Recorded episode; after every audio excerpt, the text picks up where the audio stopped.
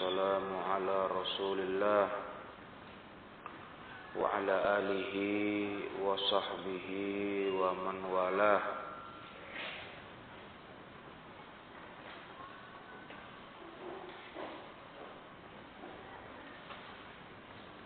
Kita sekarang berada di ayat 69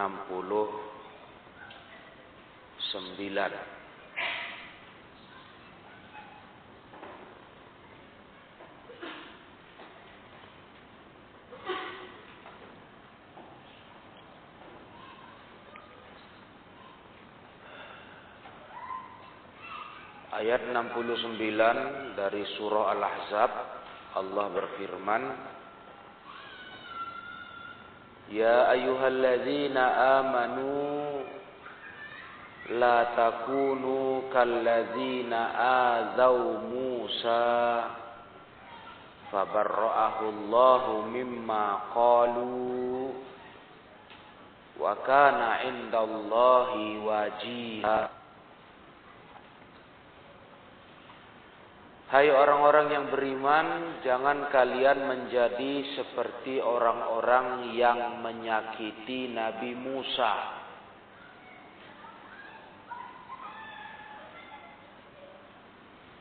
Maka Allah membebaskan beliau dari apa yang mereka ucapkan, yang mereka tuduh.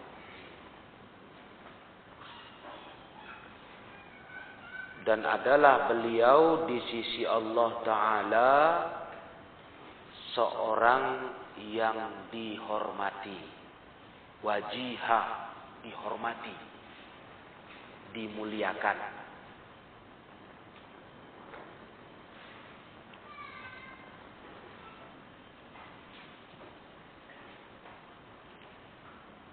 Kata Syekh As-Sa'di rahimahullahu taala yahdaru ta'ala ibadahul mu'minina an aziyati rasulihim Muhammadin sallallahu alaihi wasallam an-nabiyil karim.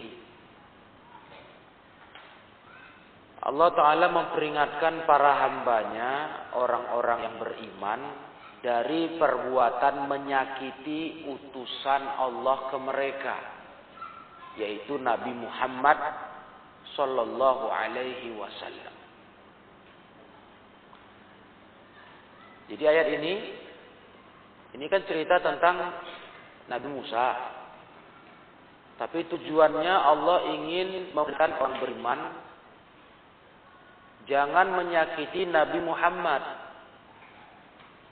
Sallallahu Alaihi Wasallam. Kayak orang dulu nyakitin Nabi Musa. Karena Nabi Muhammad itu adalah An-Nabiyul Karim Ar-Ra'ufir Rahim. Beliau itu Nabi yang mulia. Nabi yang pengasih, penyayang kepada manusia. Jangan kalian sakiti beliau. Beliau itu penyayang kepada kita.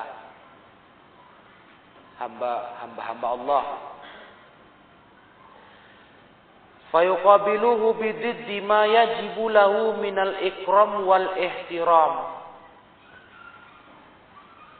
Maka mereka jangan yuqabiluhu menghadapi beliau dengan menghadapi Rasulullah bididdi ma yajibu dengan lawan kebalikan apa yang wajib untuk beliau. Kita bersikap kebalikannya. Yang semestinya wajib untuk Rasul, nah kita berbuat lawannya gitu. Apa wajibnya untuk Rasul? Minal ikram wal ihtiram. Berupa ikram pemuliaan dan penghormatan. Umat Islam ini harusnya begitu sama Rasulullah. Muliakan beliau, hormati beliau. Karena beliau pun sama kita sayang kali. Ya. Beliau itu seorang nabi yang mulia, yang sangat penyayang terhadap umat manusia, umat Islam. Jadi muliakan beliau, hormati beliau, gitu. Makanya kita berusaha semangat untuk menghidupkan sunnah beliau. Saya mlah bukan hanya yang wajib-wajibnya saja dari ajaran Rasulullah, tapi yang sunat-sunat juga. Sampai urusan yang sudah pernah kita bahas, urusan yang sifatnya jibiliyah, keseharian. Hah? Kita berusaha berusaha memuliakan ajaran beliau karena beliau sangat sayang sama kita. Jadi balasan kita kepadanya begitu. Kemuliaan, penghormatan, pengagungan tanpa berlebih-lebihan. Nah, tanpa hulu. Paham temu hulu? Melampaui batas. Nah, nggak perlu itu, Nabi nggak suka itu. Dipuji berlebih-lebihan, disanjung-sanjung berlebihan, nggak butuh Nabi. Nah, yang butuh Nabi dari kita apa? Ikuti ajarannya. Tegakkan sunnahnya. Nah, termasuk yang pernah kita kaji itu. Sampai kita berusaha menyukai, menyenangi apa yang paling senang Rasulullah Wasallam lakukan dalam hidupnya. Apa itu di antara contohnya? Pakaian. Rasulullah SAW karena ahabbut tiap ila Rasulillah al-qamis.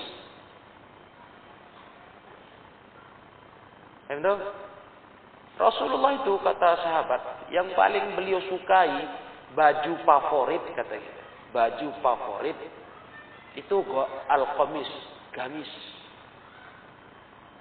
Itu baju favorit.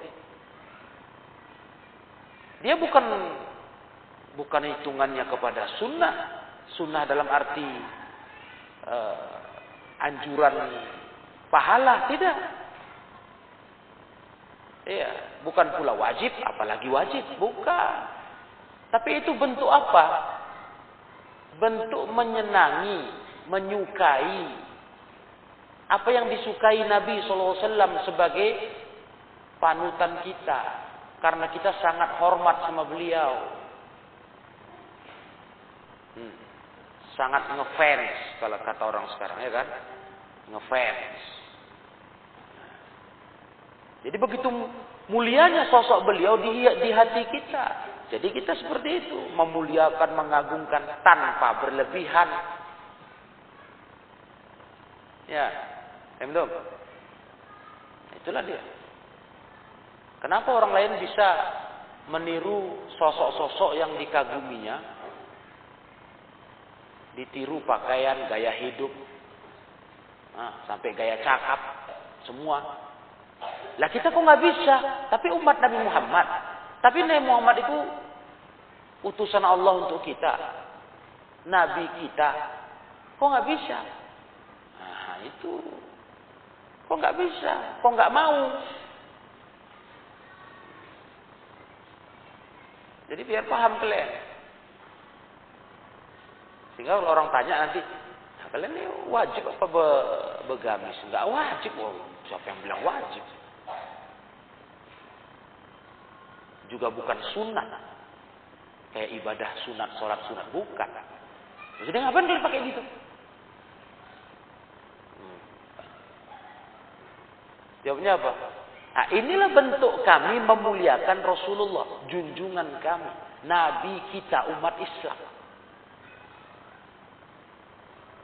Kita berusaha menyukai yang paling beliau sukai. Beliau sukanya apa? Hobinya apa? Karena kita umat beliau, pengikut beliau yang sangat fanatik. Ya, sangat fanatik. Paham? Itu makanya kalian harus ngerti.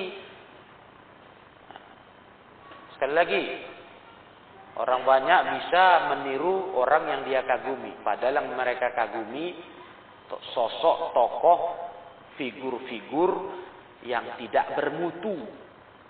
Betul nggak? Anak bermutu. Tak tahu beragama, bukan orang soleh, Itu ditiru mereka. Oh, sampai semua ditiru. Gaya-gayanya semua. Gaya jalan, gaya pakaian. Bisa mereka. Kok kita nggak bisa?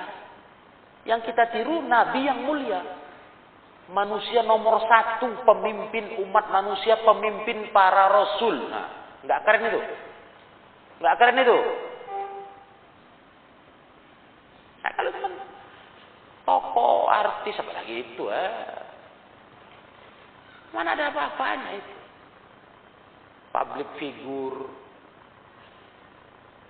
ini Rasul ini sosok nomor satu. Sayyidu waladi Adam. Sayyidul mursalin. Enggak merasa gaya keren kita niru dia. Sallallahu alaihi wasallam. Hah? Merasa keren lah harusnya. Merasa bangga. Busung dada. Hah. Ya orang yang niru. Orang kafir aja busung dada. Gaya dia. Pede orang. Ya kan? Pede. Macam orang gila pun pede. Betul nggak? Kalian nengok soalnya, tahunya kalian itu. Masa kita macam Nabi nggak pede? Nah, gitu maksudnya. Orang itu macam orang gila pede. Ini orang kafir. Kayak mana-mana kayaknya, na'udzubillah. Orang gila. Sampai yang menyakiti badan pun demi meniru dibuat. Tindik bibir, tindik lidah. Main-main kalian. Untung nggak tindik bola mata. Betul? Bisa? Biar pecah matanya. Ditindik bola mata itu. Demi apa? Itu kalian pikir dia buat nggak ada yang ditiru. Dia tiru lah itu. Bukan dia buat ide sendiri, dia tiru. Nah, tindik telinga, sak, sak, sak daun telinga penuh tindik. Nah, bayangkan itu. Bibir, lidah, hidung, na'udzubillah. Nggak peduli, yang penting aku kayak favoritku, kayak idolaku. Bisa mereka, kok bisa? Lah kita kok malu meniru Rasulullah Sallallahu Alaihi Wasallam. Bangga harusnya kalian. Bukan malah tersiksa kan banyak kalian tersiksa kan. Dari penampilan orang soleh ini kalian tersiksa. Makanya kalian otaknya mau berontak kalau pulang aku mau jadi orang orang toleh. Bukan soleh lagi deh. Harusnya kalian bangga. Karena yang tiru bukan siapa-siapa. Sosok yang paling pantas dimuliakan, paling pantas dinomor satukan di hati kita. Yang bahkan dalam Islam kita lebih cinta ke Nabi daripada cinta ke diri kita. Betul nggak itu? Daripada cinta ke diri kita. Lebih cinta kita sama Nabi harusnya. Begitu. Mengalahkan cinta kepada siapa pun juga. Siapa pun. Sampai orang tua sekalipun. Hadisnya sudah belajar kita. La yu'minu ahadukum. Tidak beriman salah seorang kalian. Hatta aku na'ahabbu ilaihi. Sampai aku lebih dia cintai. Min waladihi wa walidihi wa nasi ajma'in. Sahih? Lebih dia cintai dari anaknya, orang tuanya, dan semua manusia. Kalau enggak belum beriman kalian, kata Nabi.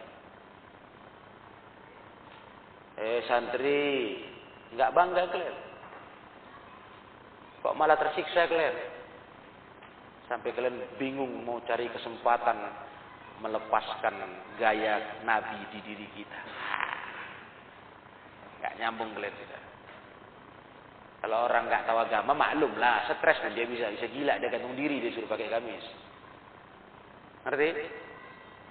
Tersiksa dia, oh, kayak apa aku nih kata. Nah, tinggal dipocongin aja nih katanya. Jadi hantu aku. Gila otaknya, disuruh pakai pakaian yang syar'i. Lah kan, kalau kalian kan berilmu. Ada alasan kok aku begini. Ngerti? Kok gini gayaku? Nah, ini bukan disuruh-suruh orang.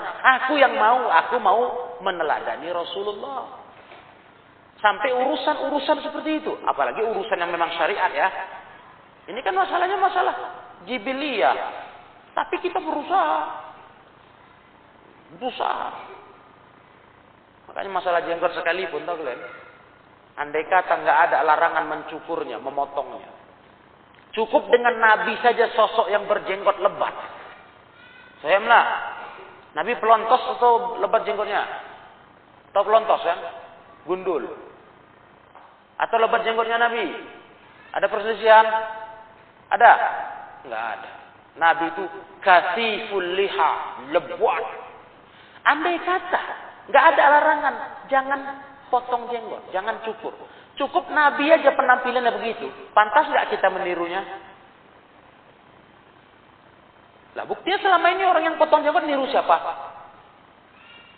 Hah? Niru orang kafir yang memang cukur jenggot. Nah, bisa mereka tiru kafir, nggak bisa mereka tiru Nabi. Gimana kalian bilang? Ini kalau nggak dilarang loh, apalagi dilarang. Disuruh Nabi pelihara. Andai kata nggak Nabi suruh, itu aja kita kepingin meniru Nabi, gaya Nabi. Uh, kan gitu. Ya macam mana orang pula niru celana koyak-koyak dulu kita pernah bicara kan? Beli baru udah koyak, tahu gak? Emang gitu dia, modelnya gitu. Di toko udah koyak. Koyak lututnya, pahanya. Kan bego itu. Bagus beli. Beli apa? Beli celana koyak-koyak sendiri yang memang udah dibuang-buang orang itu. Lah ini celana baru toko. Udah setelan koyak. Mau dia beli? Mau. Mau pakai? Eh, mau kali lah. Demi apa? Demi gaya yang dia tiru. Bukan dia buat ide sendiri, dia tiru itu. Ini maksudnya mau kalian ini mau tanamkan pemikiran begitu. Kenapa aku begini? Karena aku mau kayak Nabi. Mau apa kau? Hmm, gitu kan? Ibarat ada orang nanya-nanya kalian lah. Apa kau gini kau? Bodoh kali kau. Ada keren kau. Paling enggak kau bilang, aku mau kayak Nabi, mau apa kau? Kau kayak siapa? Nah, gitu. Ya kan? Karena memang jelas kok Nabi begitu. Apa yang paling Nabi sukai? Kita berusaha. Nah, itu karena bentuk Nabi, sosok Nabi, sosok yang paling pantas dimuliakan, dihormati, dikagumi. Ngerti cara pikir ini? Semua. Jadi bukan dasar kamu ikut-ikutan atau karena peraturan. Enggak. Mauku ini, mau aku bilang. Enggak ada aku wajibkan, enggak ada. Enggak berani aku wajibkan. Cuman aku maunya mau kayak Nabi, mau apa kau? Hmm. Nah. Ya kan? Itulah maksud kita. Jadi Allah melarang umat Islam jangan sakiti Nabi. Dengan apa? Dengan cara meniru orang-orang yang menyakiti Nabi Musa dulu. Wa alla yatashabbahu bihalil ladzina azau Musa bin Imran kalimar Rahman. Jangan meniru orang-orang dulu yang mereka orang-orang yang menyakiti Musa bin Imran, Kalimur Rahman, itu gelar Nabi Musa. Kalimur Rahman yang diajak bicara langsung oleh Allah. Kalimur Rahman. Nabi Musa adalah seorang rasul yang langsung diajak bicara oleh Allah. Nah, maka beliau digelar dengan Kalimur Rahman. Fabarrahullah mimma qalu minal aziyah. Maka Allah membebaskan Nabi Musa dari apa yang mereka tuduhkan berupa hal yang menyakitkan. Tuduhannya menyakitkan. Ya, nyakitin hati tuduhan orang-orang dulu ke Nabi Musa. Iya. Ai azharallahu lahum baro'atahu. Allah tampakkan ke mereka baro'ahnya berlepas dirinya Nabi Musa. Walhal annahu alaihi salatu wassalam laisa mahallu tuhmah wal aziyah yang mana kondisinya beliau Nabi Musa alaihi salatu wassalam bukanlah sosok yang cocok diberi tuduhan mahallut tuhmah sebagai sosok yang dituduh yang mana beliau dianggap dengan anggapan buruk wal aziyah disakiti nggak cocok beliau bukan orang begitu Orang yang pantas dituduh, dijelekkan, nggak cocok. Fa innahu kana wajihan indallah. Beliau itu Nabi Musa sosok yang wajihan indallah, dihormati, dimuliakan di sisi Allah, muqarraban ladaihi, yang mendekatkan, yang dekat di sisi Allah, didekatkan di sisi Allah. Nabi Musa kan termasuk ulul azmi minar rusul. Saya ulul azmi minar rusul. Jadi bukan sosok yang bisa kalian ejek-ejek, kalian tuduh-tuduh asal-asalan. Itu Nabi Musa, ya kan? Min khawasil mursalin wa min ibadihil mukhlasin. Beliau termasuk hamba-hamba Allah, para rasul yang khusus, hamba-hamba Allah yang ikhlas. Itu Nabi Musa, apalagi Nabi Muhammad. Nah, itu maksud ayatnya begitu. Nabi Musa aja kayak gitu kita dilarang. Kayak gitu orang dulu dimarahi Allah. Menuduh Nabi Musa, mengejek. Lah bagaimana pula dengan Nabi Muhammad? Sebagai pemimpinnya para rasul. Makanya udah kelewatan kali lah kalau ada orang ngaku Islam. Ngaku Islam. Muslim. Berani bicara buruk tentang Rasulullah. Walaupun nyindir-nyindir. Walaupun nyindir-nyindir. Nggak terang-terangan. Udah terlalu parah ini orang. Karena Rasulullah itu sosok yang teramat mulia, teramat istimewa, sangat tinggi derajatnya. Hmm, sangat tinggi derajatnya. Ya. Penuntut ilmu saja penuntut ilmu, talibul ilm. Dengan orang awam. Itu dimisalkan Rasul kayak mana permisalan bulan di malam purnama. Bulan di malam purnama dengan seluruh bintang. Emdo. Kira-kira kalian tengok di langit kalau malam purnama, bulan itu, bulat dia, penuh, malam 14, 15. Indahnya bagaimana perbandingan dengan bintang yang ada di sekelilingnya? Cantik mana? Tak ada yang bilang lebih cantik bintang kan? Ya. Itu permisalannya. Bahkan di hadis lain dikatakan itu permisalan untuk orang ahli ilmu dengan ahli ibadah. Padahal ahli ibadah loh bukan orang awam. Itu kayak bulan purnama dengan bintang-bintang yang lain. Bintang cantik di langit, kalau lagi gelap nggak ada bulan, betul? Oh, cantiklah bintang di langit. Kalau langit cerah, kita nengok langit banyak bintang, cantik. Tapi jangan tengok lagi bintang, dicari cantiknya. Kalau malam lagi purnama. Tenggelam dia. Tak ditoleh orang. Karena orang kagumnya dengan indahnya bulan. Lah itu baru perbandingan antara orang alim, orang ahli ibadah, orang penuntut ilmu dengan orang awam. Lah bagaimana Nabi dengan kita? Nah, itulah derajat Nabi itu teramat tinggi sekali. Bagaimana pula kok bisa umat Nabi Muhammad SAW, umat Islam bicara-bicara buruk tentang Rasulullah. Bicara jelek walaupun nyindir. Itu udah kelewatan yang luar biasa. Hmm? Makanya dalam salah satu pelajaran pembatal keislaman apa? Al-istihza memperolok-olok Rasulullah sallallahu alaihi wasallam. Memperolok-olok Rasulullah dan sunnahnya. Sahih? Itu termasuk pembatal keislaman. Nah, begitu. Jadi Rasulullah teramat mulia. Nah, Nabi Musa aja sosok nabi yang khusus termasuk ulul azmi minar rusul nggak pantas dituduh disakiti dijelekkan nggak pantas apalagi Rasulullah. Falam yazhar yazjarhum ma lahu minal fadail an aziyati wa ta'arud lahu bima yakrah Allah tidak mencela mereka atas apa yang ada keutamaan-keutamaan pada sosok Rasul.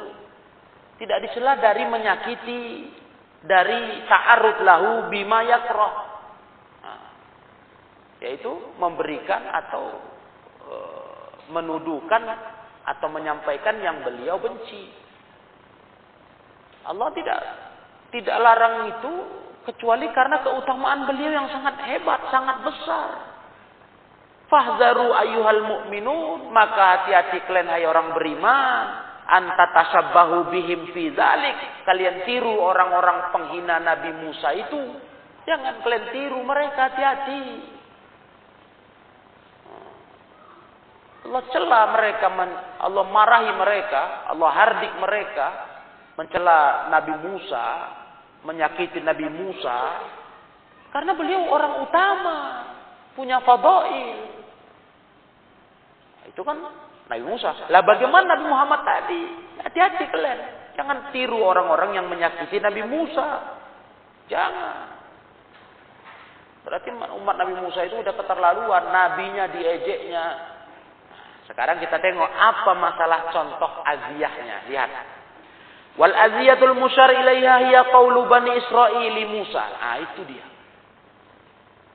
Bentuk perbuatan menyakitkan tadi yang diisyaratkan itu ucapan Bani Israel kepada Nabi Musa. Bani Israel ngomong ke Nabi Musa, "Lama ra'au syiddata hayaihi wa tasatturihi anhum." Ketika mereka melihat sangat kuatnya malu Nabi Musa. Nabi Musa pemalu. Watasattur sangat tertutup. Gak mau terbuka auratnya. Kalau dulu biasa mereka kalau mandi laki-laki itu satu tempat telanjang. Nabi Musa nggak mau. Nah, ya kan kalau gaya sekarang masih ada gitu di kampung-kampung gitu, ya kan? Tempat mandi umum, bak umum. Nah, cuman sekarang kan nggak pula telanjang, bersempak mereka. Tapi ya nggak betul lah itu. Nah. Jadi Nabi Musa nggak mau ke situ. Ah mereka nggak suka. Uh, ada apa ini? Dia kok nggak mau mandi sama saya? Nah, akhirnya mereka pun berkata, Innahu ma yamna'uhu min zalik illa annahu adar. Adar. Oh dia itu tak mau sama kita gabung-gabung mandi sama kecuali dia itu sebenarnya adar. Apa itu adar? Ai kabirul khusaitaini, khusiyataini. Besar telurnya. Hmm. Kan nggak mau telanjang. Nah. Khusiyataini, khus, khusiyah itu pelir, telur laki-laki. Dituduh mereka Nabi Musa itu cacat itu besar. Malu dia nampak kita. Nah, tengok. Tengok itu mulutnya Bani Israel. Nah, padahal Nabi Musa memang pemalu. Gak mau beliau mandi-mandi begitu. Buka-bukaan. Apa itu? Nah, lihat. Kerja orang Bani Israel itu. Oh dituduhnya begitu. Adarnya dia itu. Adar. Kabirul khusiyatain.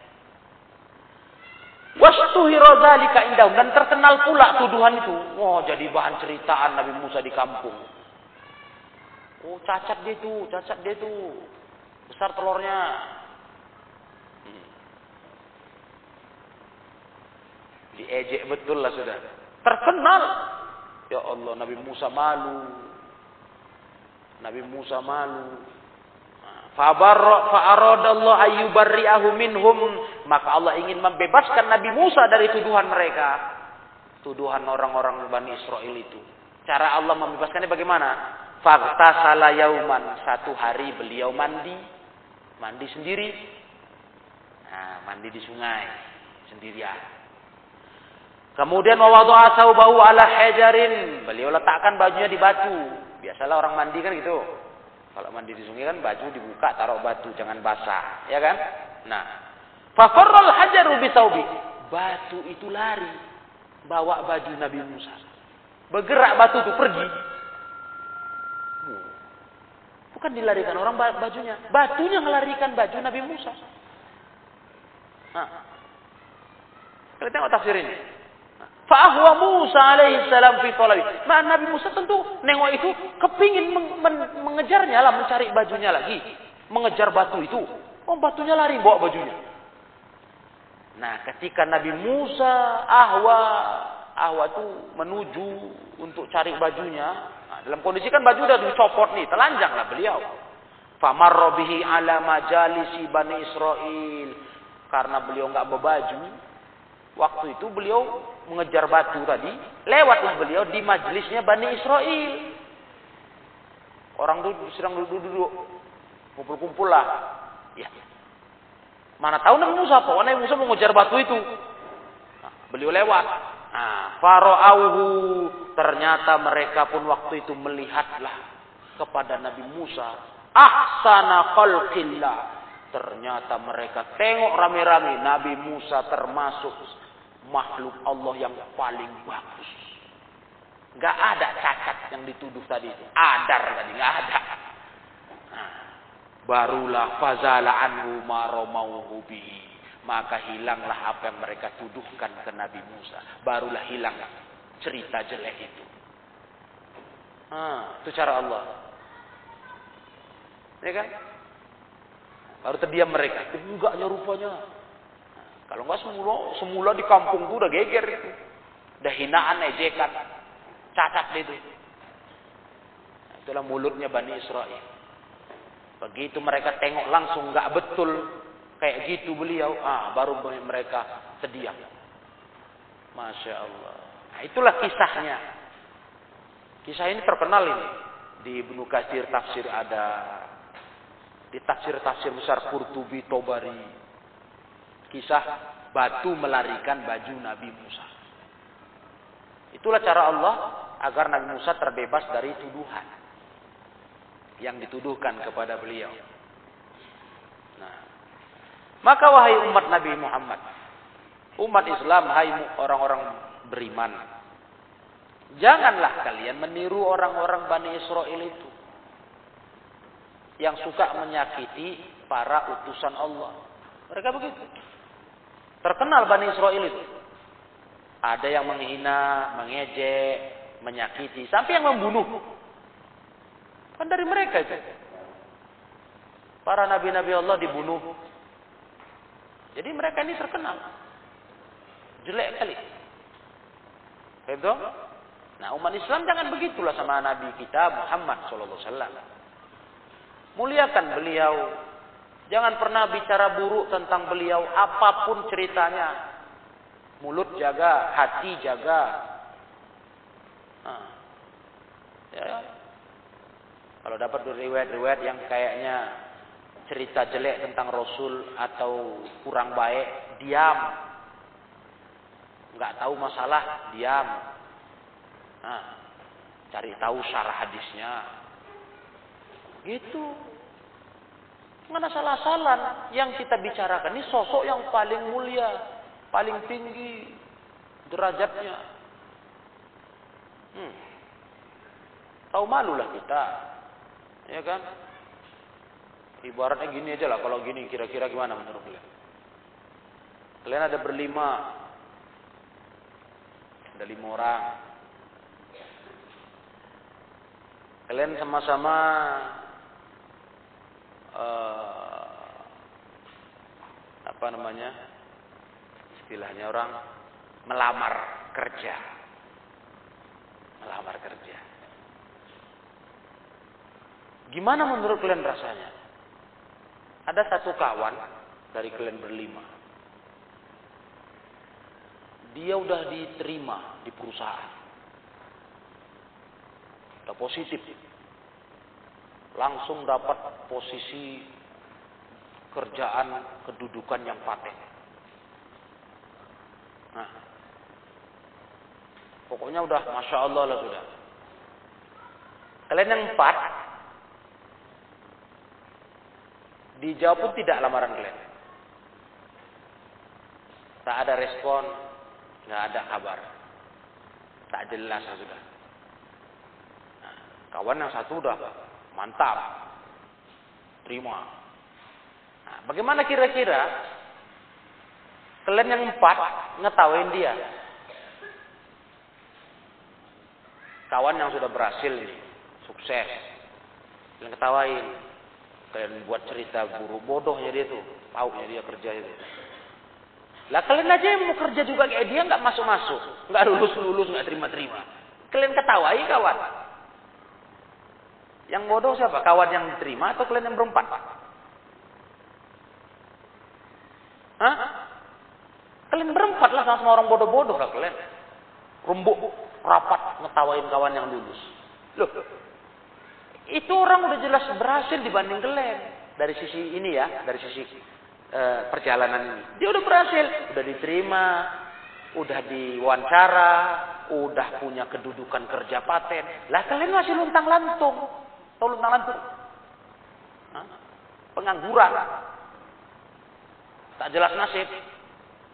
Nah, terus kalian burukkan dia, jelekkan dia. Ya bodoh lah kalian. Nah, kan gitu. Itu baru sedikit aja selisihnya antara kawan-kawan berhasil dengan yang belum berhasil. Itu juga nggak pantas kita burukkan dia, ngetawain dia. Lah kita yang harusnya nangis. Ah, yang tak jelas nih nasib dia udah jelas. Kan gitu kan. Itu baru tingkatnya sedikit beda tipis ya baru. Nah. Lah bagaimana dengan kita yang di bawah duduk kedudukannya mau bicara tentang nabi yang sangat tinggi. Sangat mulia, ahli surga, kekasih Allah, Aduh, sakit kali kepala kita nengok orang-orang yang berani bicara buruk tentang Rasulullah SAW. Walaupun nyindir tadi. Walaupun nyindir, walaupun ya istilahnya sekedar apa aja lah, sekedar nah, ketus cakap, ketus nah, tentang Nabi itu nggak enak ngomongnya.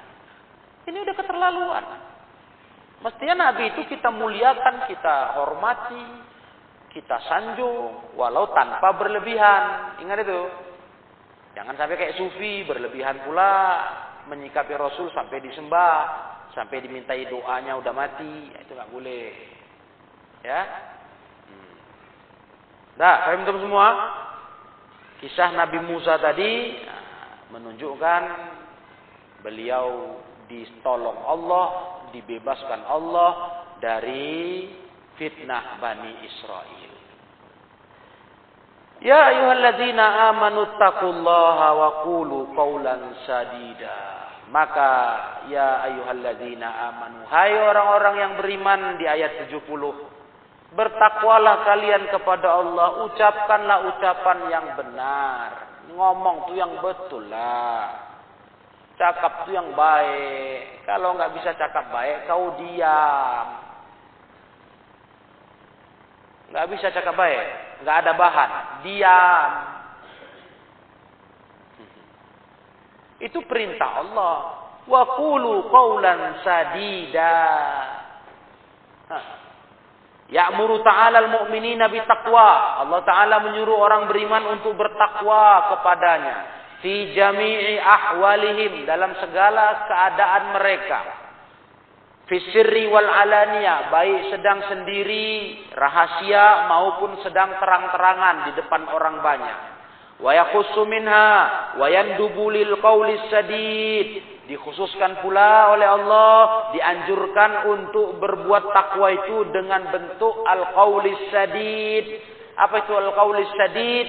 Wa huwal qawlul muwafiq lis sawab, yaitu ucapan yang mencocoki kebenaran cakap yang benar al-muwafiq lis-shawab awil muqaribi lahu awil muqaribu lahu atau yang paling tidak mendekati yang benar muqarib dekat.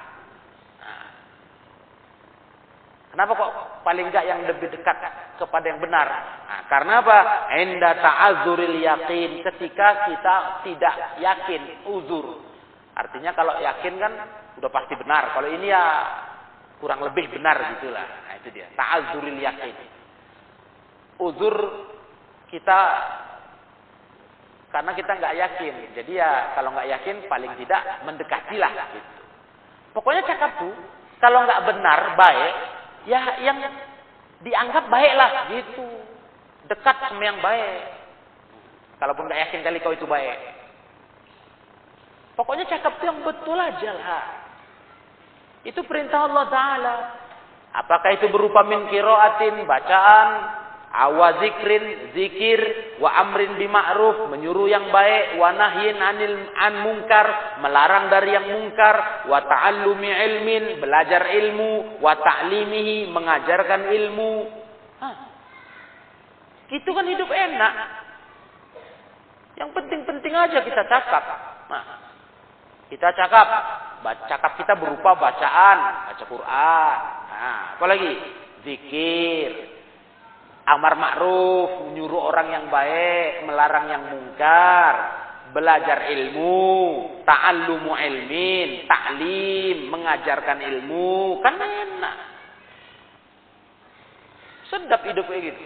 Mulut tuh dijaga. Wal hirsi ala isobat isobati sawab, semangat untuk selalu isobati sawab, men, men apa? Mengenai kebenaran, yakni tepat mencocoki kebenaran, isobah. Asal kata isobah itu dari kata asoba, mengenai. Nah, asobahu mengenainya. Nah, berarti mencocoki kebenaran, semangat fil masailil ilmiah dalam masalah-masalah ilmiah. Wasuluki kulli tariqin yusilu dan menempuh semua jalan yang mengantarkan kepada itu. Pokoknya berusaha kita hidup ini Mulut itulah kuncinya. Makanya mulut tuh hati-hati, ngomong hati-hati. Jangan asal nyeplak aja. Nah, sila orangnya kan. Asbun aja, asal bunyi. Dah, ngerti kalian? Bukan mak maknanya kita pelit cakap atau kurang humoris kata orang. Humoris ya kan. Tahu humoris? Hah? Kurang canda, kurang humoris. Nah, tak enak sama kau, nggak humoris kau katanya. Apa? Uh, pelit cakap kau. Bukan itu masalahnya. Kita mau cakap, tapi yang baik, yang bagus. Enggak asal-asal keluar suara cakap, nanti ngomong aja. Janganlah. Kok gitu kau? Itu kan yang nyuruh Allah. Itu surah Al-Ahzab ayat 70. Allah yang suruh. Wa qulu qawlan sadida. Jadi Allah suruh ya aku buatlah. Itu? Aku buatlah. Allah suruh. Hmm. Itu prinsipnya. Enak jadinya. Karena udah banyak cakap nih aduh. Banyak masalah. Hmm, banyak masalah. Banyak masalah. Banyak timbul cekcok di tengah manusia antar berkawan, di keluarga, di di saudara, dari cakap berlebihan. Iya. Banyak timbul masalah. Jadi ini coba kalian jaga ya. Kurangi yang nggak perlu. Ya kan? Yang nggak baik apalagi. Kurangi, tinggalkan kalau nggak baik. Nah,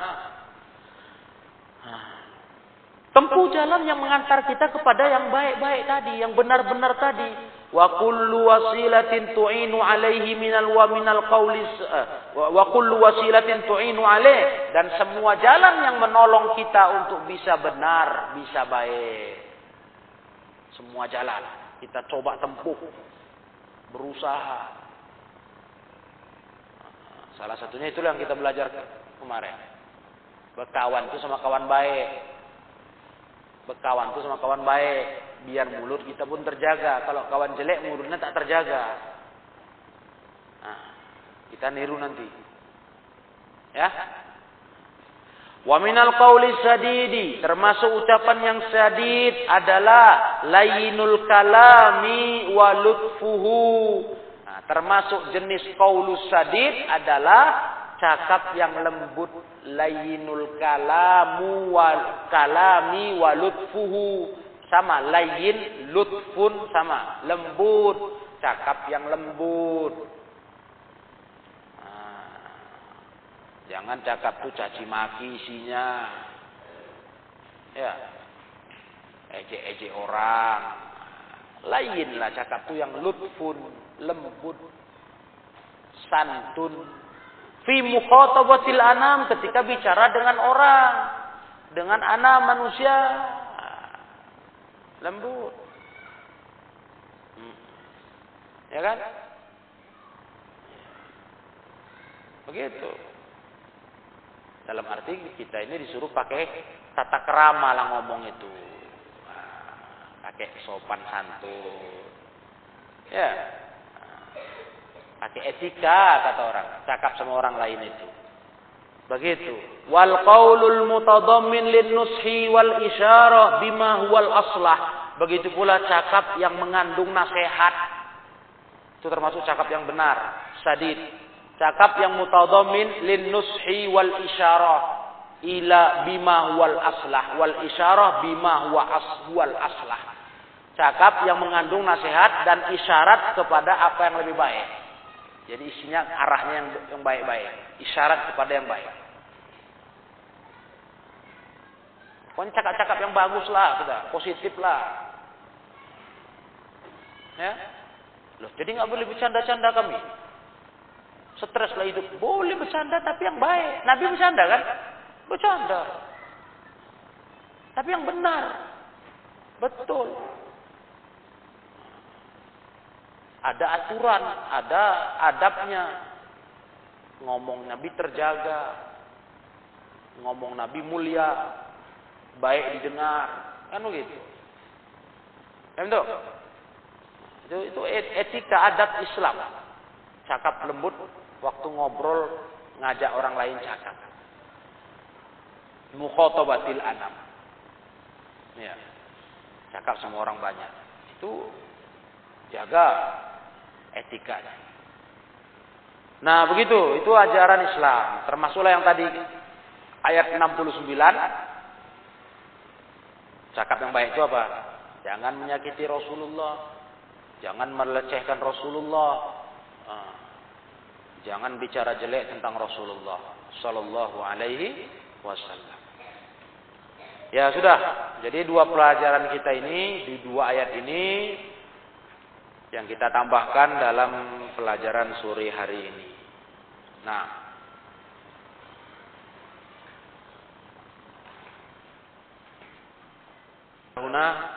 kita cukupkan.